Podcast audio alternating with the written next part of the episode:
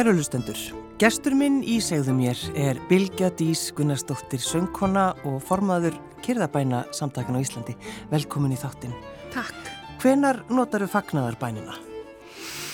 Ég nota fagnadarbænina alltaf þegar ég finn að eh, ég er að fara í eitthvað, sko, eitthvað sem stiður falska sjálfið, getur við sagt, eða mm. egoið. Um, þá... Um, Já, þá stöfða ég svona viðbragðið sko og þá býð ég allt velkomið og um, já, sleppi tökunum og umvef þetta augnablík eins og það er. Þetta er svona stuttumáli það sem að gerist en þetta er svona mikil núvitundar æfing en líka bæn sem er kannski aðeins floknara að útskýra já, en, en, en hérna já, ég nota þessa aðferð mjög mikið. Á hverjum degi kannski? Oft á dag. Eða það? Já. Það er bæði hægt að nota hana bara þannig að maður bara sess niður og þú skannar líkamann. Þetta snýst svolítið mikið um að vera í líkamann og, og, og hlusta á líkamann og þannig að maður getur skannað og bara hvar finn ég hýta, kulda, sársauka, stýpni, dofa eða bara hvað sem er og maður einbytti sér að ykkur um einum stað og alveg sökvi sér niður í það bara, bara er, veitir fulla aðtegli og svo segir maður velkomin, velkomin, það er að fagna Já. og maður er að segja velkomin við uh, virkni, eða ég hugsaði þannig virkni Guðs inn í þessum aðstæðum mm. eða bara hvaða aðri, aðri mætti, mætti sem að þú hefur og um svo sleppir maður tökunum og þá maður að sleppa tökum á þrám og tilfinningum sem að stýður við falska sjálfið. Og við segjum sko ég sleppi tökunum á þráni eftir öryggi og þá erum við að tala um þetta svona óheilbriða öryggi.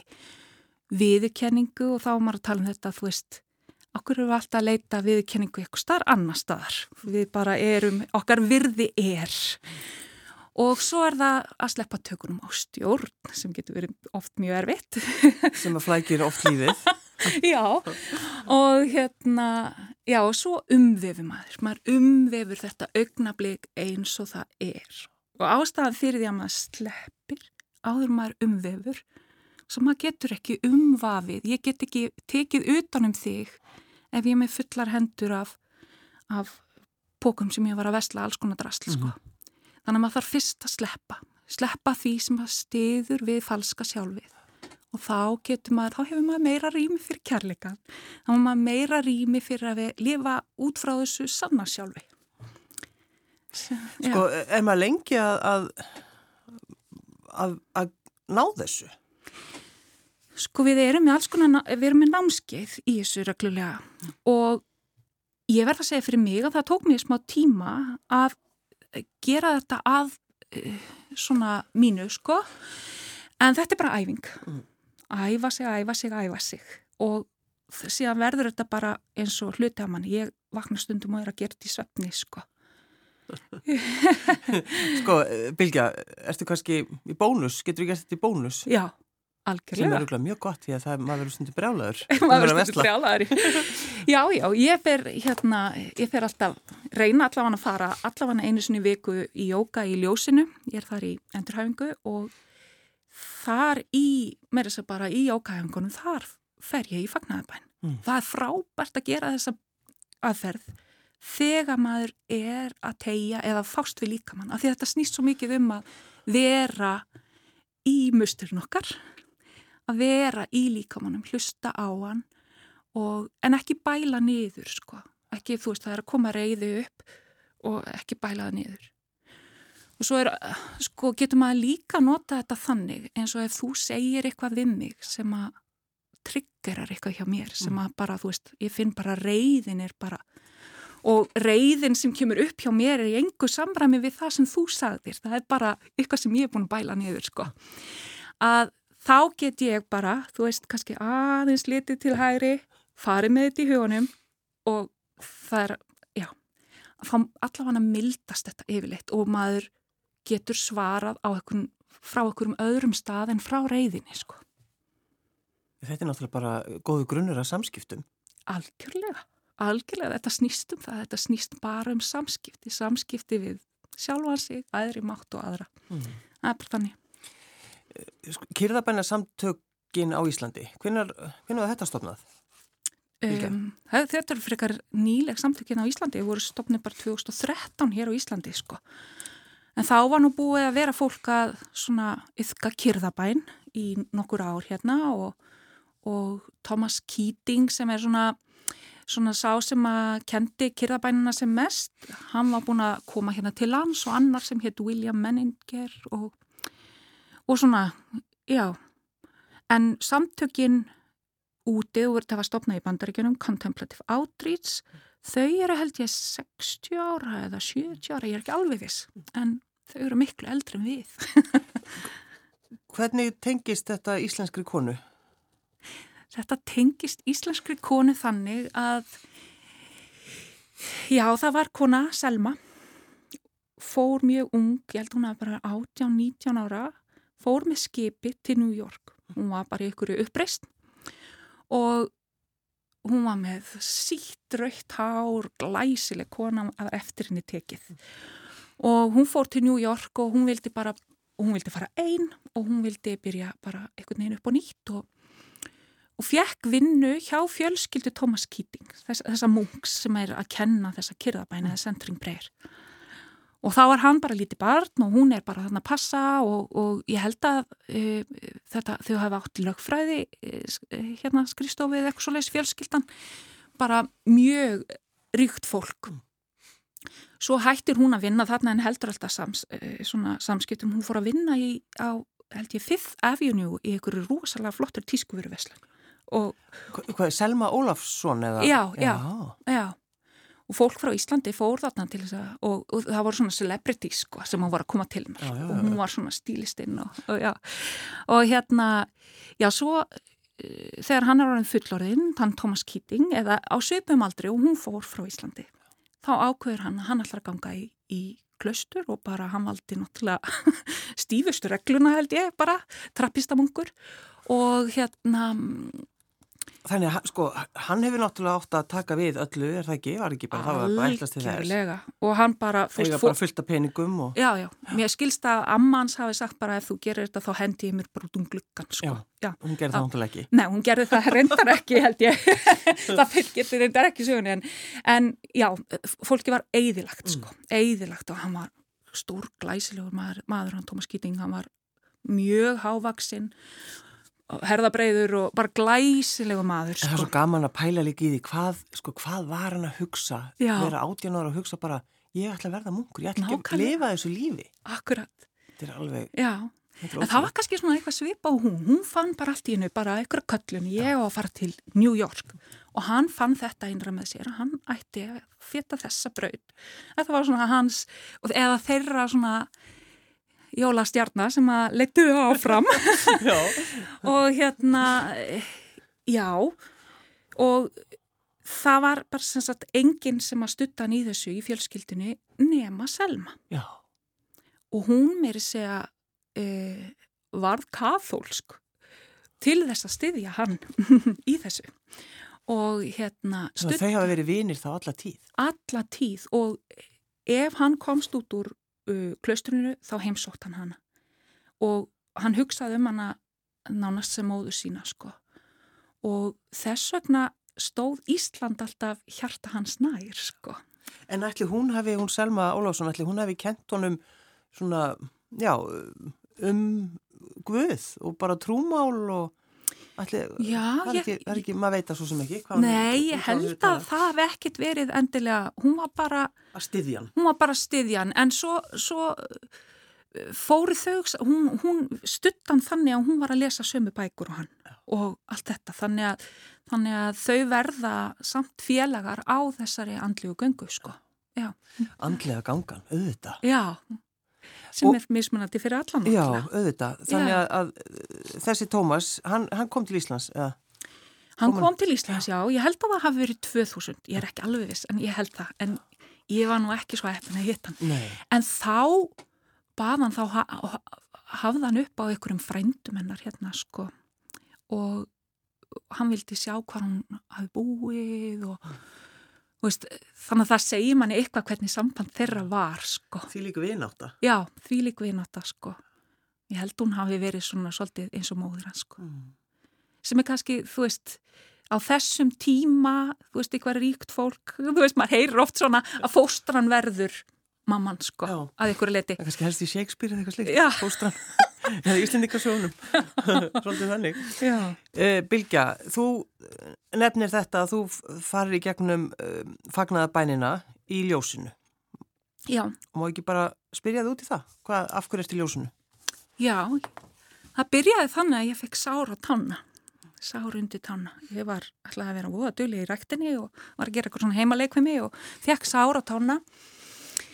Það var í ágúst fyrir sagt, rúma ári síðan og, og svo bara einhvern veginn greri aldrei þetta sár og það var, þú veist, eða það greri eitthvað skringilega og ég var einhvern veginn bara í tómu vandraði með það og fór uh, síðan til hjókurnafræðings og var bara alltaf í í svona umbúðaskiptum og fór líka landsbytalan var í einhverju rannsóknum og eitthvað og ekkert fannst og það var bara alltaf, þú eru að vera bara dugleiri að setja fótinn upp og ég var bara alltaf með fótinn upp og horfið á allt á Netflix og, og alltaf og, og hérna en svo náttúrulega fór fólki að gruna eitthvað sko og þá var tekið við að við að síni og þá kom, já fyrst kom í ljós að það voru bara frumubreitingar þannig að þá fór ég aðgerð þar sem að var tekið svona uh, skinnpjalla af hendinni og, og, og grætt á mm.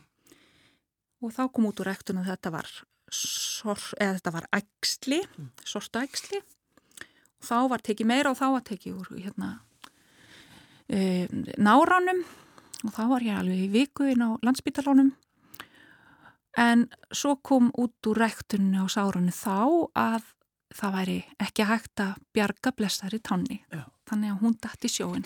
Hún dætti sjóin, hvaða tá er þetta, Bilgetís? Eh, stóra táin á vinstirfæti. Já. Já. Hvernig, hvernig gengur þér sko ná balans?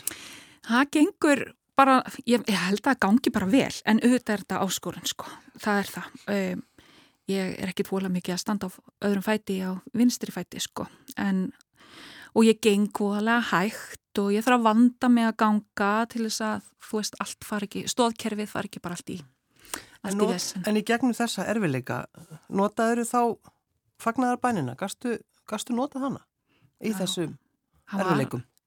Sko, já, það var svo merkilegt. Nú var maður búin að nota þessi verkværi og æfa sig, maður búin að vera að æfa sig í þessu og þetta var það sem held mér að floti mm. allan tíman. Ég gæti einhvern veginn, já bara til dæmis þegar ég var að fara í aðgerð þar sem að þess aðgerður og var að fara í gegnum svæfingu til dæmis. Og þú veist, þá kemur þetta hva, hvað ef ég bara vakna aldrei aftur? Mm. hvað ef ég vakna og man ekki neitt? Þú veist, ykkur hræðsla. Þannig að, og þá er maður náttúrulega í hausnum á sér. Og þá gæti ég bara farið aftur í líkamann fagna því sem var og það er svo fallegt sem er oft sagt í tengslu við fagnarbænina er um, Svo reynsla sem Guð færi þér á hverju augnabliki er þín besta og helgasta reynsla. Og þetta var svona eins og mantra hjá mér. Ég saði þetta alltaf, þetta bara alveg sama hvað mætti mér, þetta er það besta og helgasta á þessu augnabliki.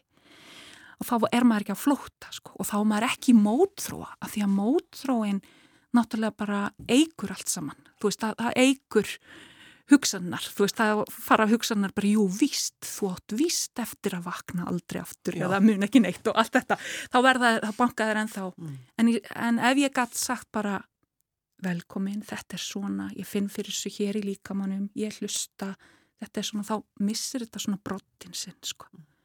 og þá nærmaður bara einhvern veginn að vera í andartekinu, dvelja í andartekinu og Já, ég, það er kannski svolítið dramatíst að segja en það bjargaði mér. Það gerði það.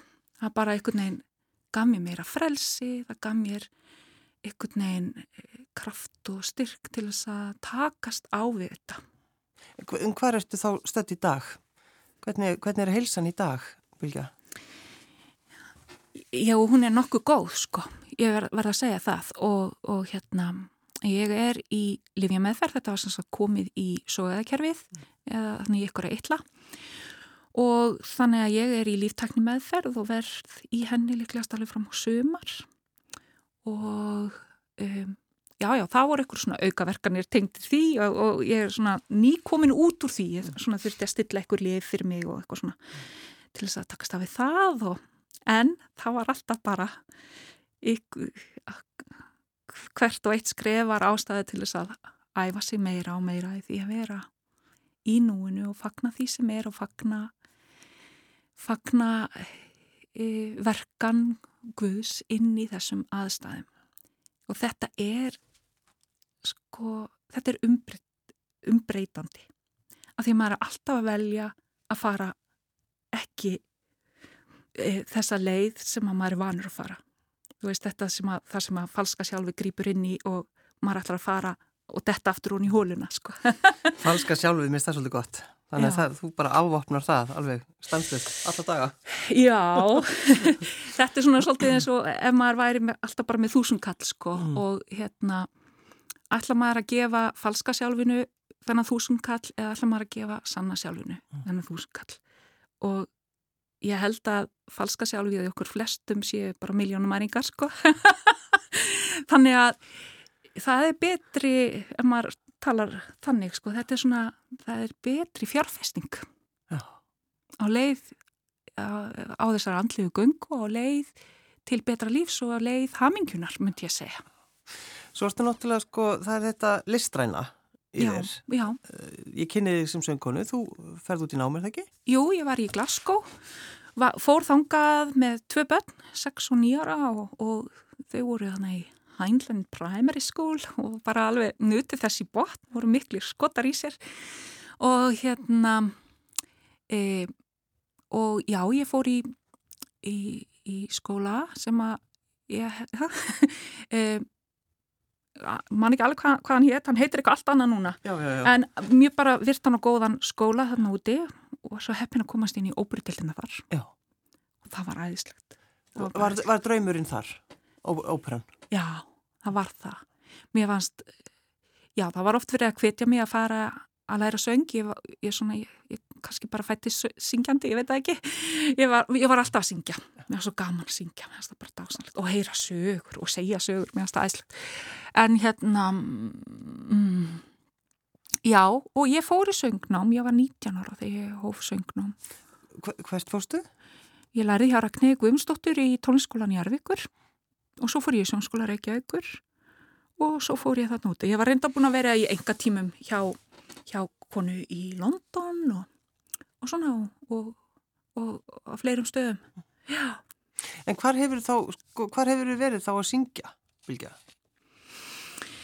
Sko, það er nú, já, ég náttúrulega fór út um allt að syngja fyrir eins og maður gerir þeim, maður er söngvari og stundum fekk maður eitthvað. En oftar en ekki var það svona eins og með Mario og Jósef í Jólagúðspiluna það var bara ekki plass fyrir mann. Nei, nei, það er ekki plass fyrir hann að byggja frá Íslandi. Þannig að þá fór maður bara inn í fjárhúsið og fætti barni þar.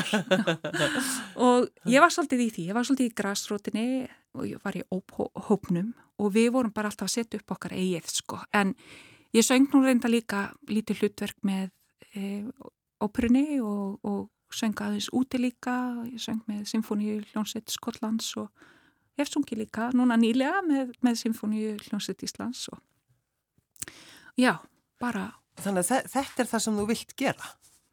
Það er söngurinn? Þetta var það sem ég vildi gera allavega. Ég veit ekki alveg hvað ég vil gera núna. Það er kannski já, er náttúrulega búið að vera COVID og svo er ég búin að vera veik, þannig ég er ekkert búin að syngja neitt rosalega mikið. Og Hann er kannski líka bara hluti af því þegar maður byrjar að íhuga svona mikið að þetta er svo umbreytandi að ég veit ekki alveg, ég veit ekki. Mm. Ég, ég þarf bara, og ég er svo sátt við það að vita ekki, mér finnst það eiginlega bara pínu spennandi. Kannski fer ég bara á fullt að syngja aftur hver veit og kannski ekki, kannski ég bara að gera eitthvað allt annað. Ég ætla bara svona að leifa andanum að leifa mig. Erst ekki, já, og svo erstu náttúrulega í rittlistinni. Já, í mitt. Talandum sköpunarkraftin. Já, ég var svo lánsam að komast þar inn. Það er náttúrulega mjög erfitt að komast inn þar. Og um, ég var bara svona eh, með vinnu í því námi og, og var bara að taka svona eitt og ég bara, mér langaði svo að njóta þessi botna verið í þessu námi mann svo ofta flýta sér klára allt ég vildi það ekki, ég vildi bara taka þetta hægt og rólega, er reyndar í fríðara núna út af vikindurum en já, það er æðislegt. Mér finnst það dáslegt, mér finnst mjög gaman að skrifa og, og hef, hefur alltaf gert það? Ég hef alltaf gert það, já. Og ég, og ég man að ykkur tíman er það, sko, sýsti mín er sex árum eldri en ég og hún byrja, hún fór í Versló og þau, það var eitthvað svona að vera að tala um í hvaða framhaldsskóla á maður að fara og eitthvað svona og ég, og ég spyr hann, hva, í hvaða framhaldsskóla á maður að fara maður vil vera ljóðskáld Frábár spurning Já, það var mikið hleyjað mér náttúrulega já. og hérna já, þannig að sáturumur er svolítið að rætast núna að fá já. að skrifa Já, já. En uh, þið, þið fannst ekki dvolega gaman í skóla þegar þú varst yngri í grunnskólanum? Nei, það hendaði mér ekkit vola vel. Ég, hérna, ég, svona, þegar ég líti baka þá er ég svona svolítið introvert, sko, og svona, svona svolítið við, viðkvæmt blóm. Og mér fannst svona, já, ég held að verið í svona stórum hópi hafi verið erfitt fyrir mig, já. Þannig... En varstu, sko, varstu einangruð eða... eða... Ég átti, ég átti alltaf vini sko, nei ég upplýði mig kannski ekki þannig en, en ég nöyð mín ekki, þetta var ekki aðstæður sem að mér nöyð mín í og mér svona, já, en ég fór alltaf, skiluru, fór alltaf og, og mér, þú veist, og ég var bara inn í, kannski stundum inn í eigin hugarheimi svolítið, búa til mínar ein, eigin sögur. Ákvæmlega, undirbúið fyrir, fyrir ljóðin þín. Já. En hvernig er aðfangandaskvöld hjá ykkur, hjónum, Bilga? Við förum alltaf til fóreldra minna sem búin í Arvík og þar koma líka sýsti mín og bróða minn. Og sýsti mín með sín börn og hann er prestur og ég er söngkona þannig að við erum ofta að syngja annarkort klukkan 6 eða klukkan hálf 12 þannig að það, það er svona rokkar svona svolítið hvena maturinn er og, og því betur fyrir á ég mjög sveigilegt segjulega fjölskyldu sem að svona færir, færir matinn til eftir okkar þörfum. Já, hver er maðurinn? Hann heitir Henning Emil Magnússon og hann er núna prestur í Vítarnískirkju Garðabæ, var uh, kennari í 15 ár og, en var búin að læra guðfræði sko. Já. Og hann sagði alltaf sko, þegar hann færtur þá ætlum ég að aðtöku hvort ég vilji vera prestur. Ég hann var, hann var ekki tilbúin að gera það svona ungur og hérna já og þegar maður færtur þá vildi hann verða prestur og þá fór hann að klára þá þurfti hann, að taka eitthvað aðeins meira til að geta tekið empatísprófið eitthvað þannig að Og, og varstu, varstu sáttu þetta? Varstu þetta góð hugmynd hjá hann? Já, ég, ég er náttúrulega gæti ekki annað en stuttan í því sem hann var að gera, hann stiði mig alltaf. Fór með mér til Glasgow með alla fjölskyldina já, já, jú, ég var alveg satt við þetta. Já, mér fannst það kannski svolítið skríti á tímubilið, þetta var svona þegar hann ákvaði þetta, þá var ég alveg svona bara svolítið svona evins þú veist, mm. um trúna og allt þetta sko, og ég var svona í alvöru. Já, varstu, varstu það? Varstu... Já, ég var það, já. Og veistu út á hverju? Já, ég held að bara þetta sé svo eðlilegt Þetta er svona... Já, að, að evast. Að evast og það er yfirleitt þroskamerki þegar maður, veist, maður trúir og treystir ímsu í lífinu og svo fer maður að endur skoða. Mm. Og það kemur með þroskanum að, maður, að það breytist og, og hérna, þannig að trúin er ekki eitthvað svona bara greift í stein, sko. Það er, hún er lífandi og, og, og þroskast og breytist og Og það sem að svona bjargaði mér, eða bjargaði mér, eða, hérna, það sem að kom mér svona aftur inn á þá braut að vilja e, rækta trú mína eða rækta minn svona and, þessi andlegu heit í kristinni hefð var kyrðabænin. Og þetta er náttúrulega, þetta er úr þessum hugleislu arfi e, kristinnar trúar sko, sem er svona, já, frá, jáfnveil frá sko eigðumörku feð, feðrum og eigðumörku maðurum sem að, sem að svona þegar kirkjan sem stopnun var e, stopnuð að þá fóru þau út í eigðumörkina sko, þau vildu ekki hafa eitthvað vald að ofan og hérna mér finnst þessi arfur Kristunar trúar mjög spennandi. Og svo varstu náttúrulega ekki æskulisfylltrúi? Eða er það kannski í dag? Já, ég er það. Ég, já. já, í Hafnarfjörða kirkju og ég er þar í 50% starfi og svo er ég aðeins að vinna líka í hérna, Altaneskirkju, í bara mjög litlu starfslutvöldi og svo er ég með kyrðabæna hóp í Vítaneskirkju á miðugtöfum. En hvað gerir æskulisfylltrúi? Æskulisfulltrúi um, bara kemur að því þar sem að börnin eru í, í kirkjunni. Þannig að ég sé um sundaskólan, ég er með starf fyrir 10-12 ára krakka og ég er með fermingafræslu. Mm. Og þetta er alveg ótrúlega gaman. Mjög skemmtilegt starf. Það er svo fjölbreytt og lífandi og, og þar far líka sköpuninn að njóta sín og, og hérna, mér, já, mér finnst það mjög skemmtilegt sko. Þannig að þið fjölskyldan þurfu svolítið svona skipulegi ykkur svolítið vel. Sérstaklega núna einmitt fyrir jól. Já. Svona hvernig, hvernig, hvernig verður þetta? Er það ekki bara alltaf spurningin? Hvernig verður aðfangandarskvöld hjá okkur? Jú, jú, algjörlega. Það Já. er alltaf, alltaf sko. Já, og eins og núna þá, þá er henning með um, minnættumessu. Þannig að við borðum snemma í Njarvík og svo keirum við ja, í Garðakirkju, fallegu Garðakirkju og, og erum með minnættumessu þar. Já. Og mætir þú alltaf? Ég mæti ekki alltaf með honum í vinnuna, nei. Nei, það var eitthvað skrítið. Róslegum spenn. Nei, ég er náttúrulega líka oft með sundaskóla um leið og hann er með messur. Já. En við, erum, við vinnum saman líka, við erum til dæmis með svona íhugunar messur oft. Mm. Og þá erum við með sko kyrðabænina og, og svona íhugunar lestur og ímislegt fleira inn í messuforminu. Og, já, já. og hva, er þið þá að lesa úr biblíinu eða? Já, og, og það er svona íhuguna lestur sem heitir Lexio Divina, mjög uh, spennandi sko. Og hægt að nota, maður þarf ekki endilega að nota bara biblíuna, það er bara hægt að það er, það er bara svona það er svona lestrar aðferðar sem maður er að lesa á dýftina sko, maður er ekki bara að lesa þú veist, línulega maður er að lesa líka á dýftina. Og maður les yfirleitt bara lítið í einu og bara einhver, einhverja setningar, einhverja pælingar. já, einhverja, já. já, og það getur verið ljóð að mjög magna að lesa ljóð til dæmis af, með þessum hætti. Og þá, þá sko les maður það fyrst einu sinni svo kemur þögn og þá fer maður að íhuga og þá til að byrja með þá þá er eitthvað orð sem að grípa mann eða setning eða eitthvað svo leiðs og maður byrja að endur taka það Já, bara í, í þögg, eða nei, síst já, í hljóðu. Já, svona innra með sér. Þannig að hver og eitt sem er, er upplifir, já, það er allir að upplifa eitthvað ólíkt. Að, já, og við notum þetta í staðin fyrir predikun, þannig að hver og eitt býr til sína eigin predikun í rauninni, sko.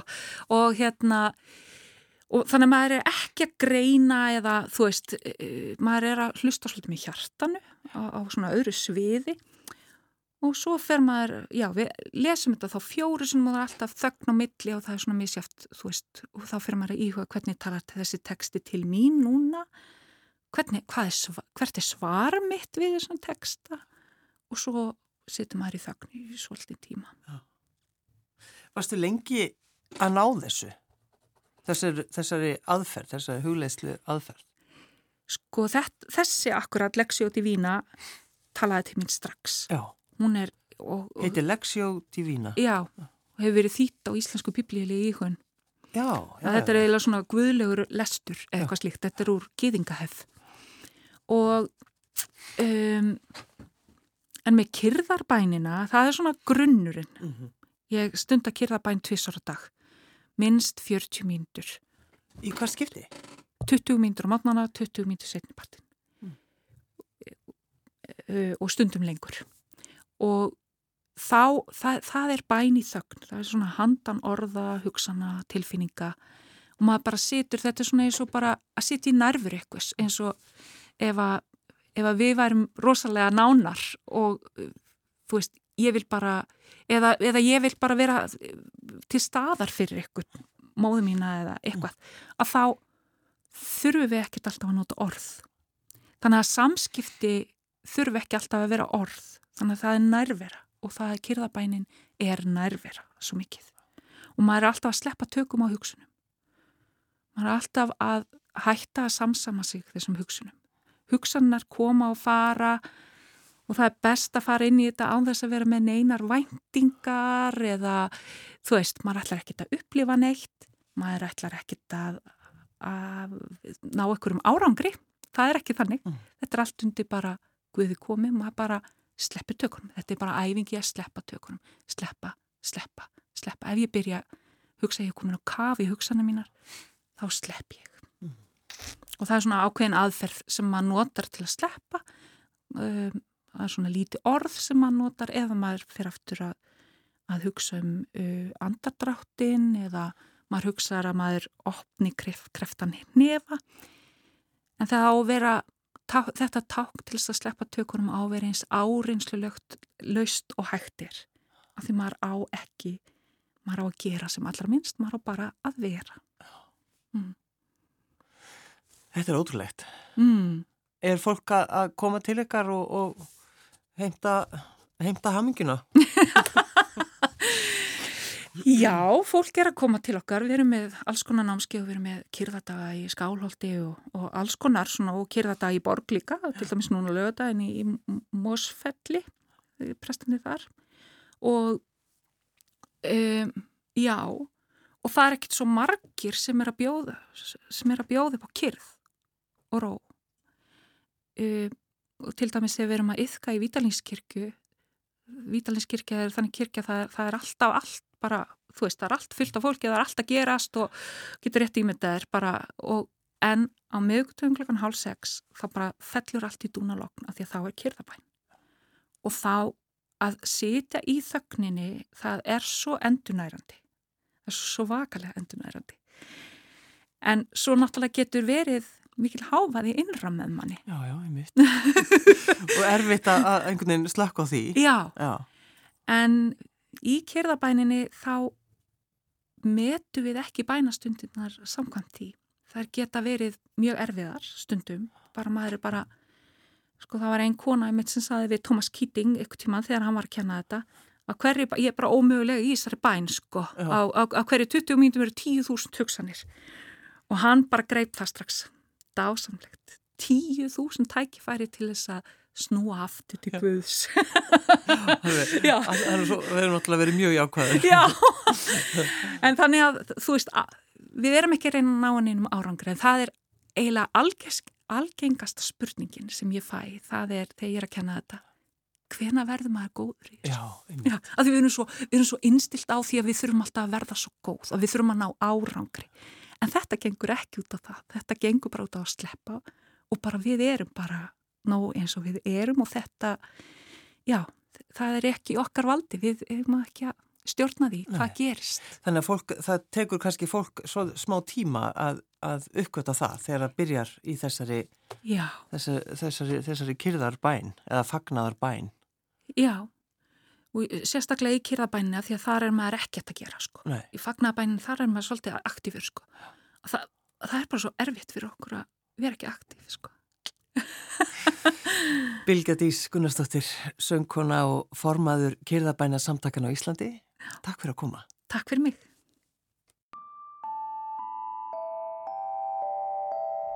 Alltaf um jól var ég úti á sjó Myrkrið og frostið í hjarta mér bjó. Ég fann enga sátt, engan frið, engan kærleika.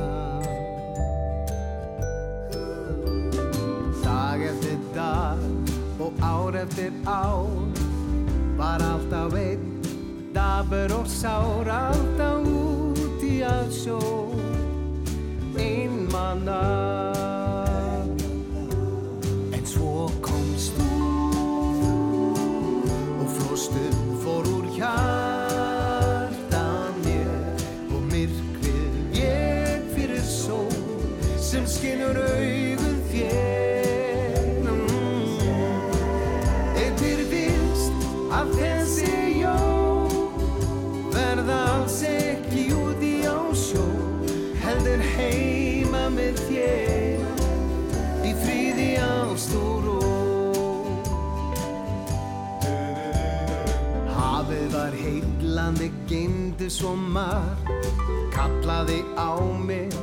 ískald og svar. Ég hugsaði um lífið, um dauðan og tilgangin Við mætumst í myrkri um miðnættir bíl Svo vaknaði sólinn með byrti og í Og hvað lífið var fagurt og indislegt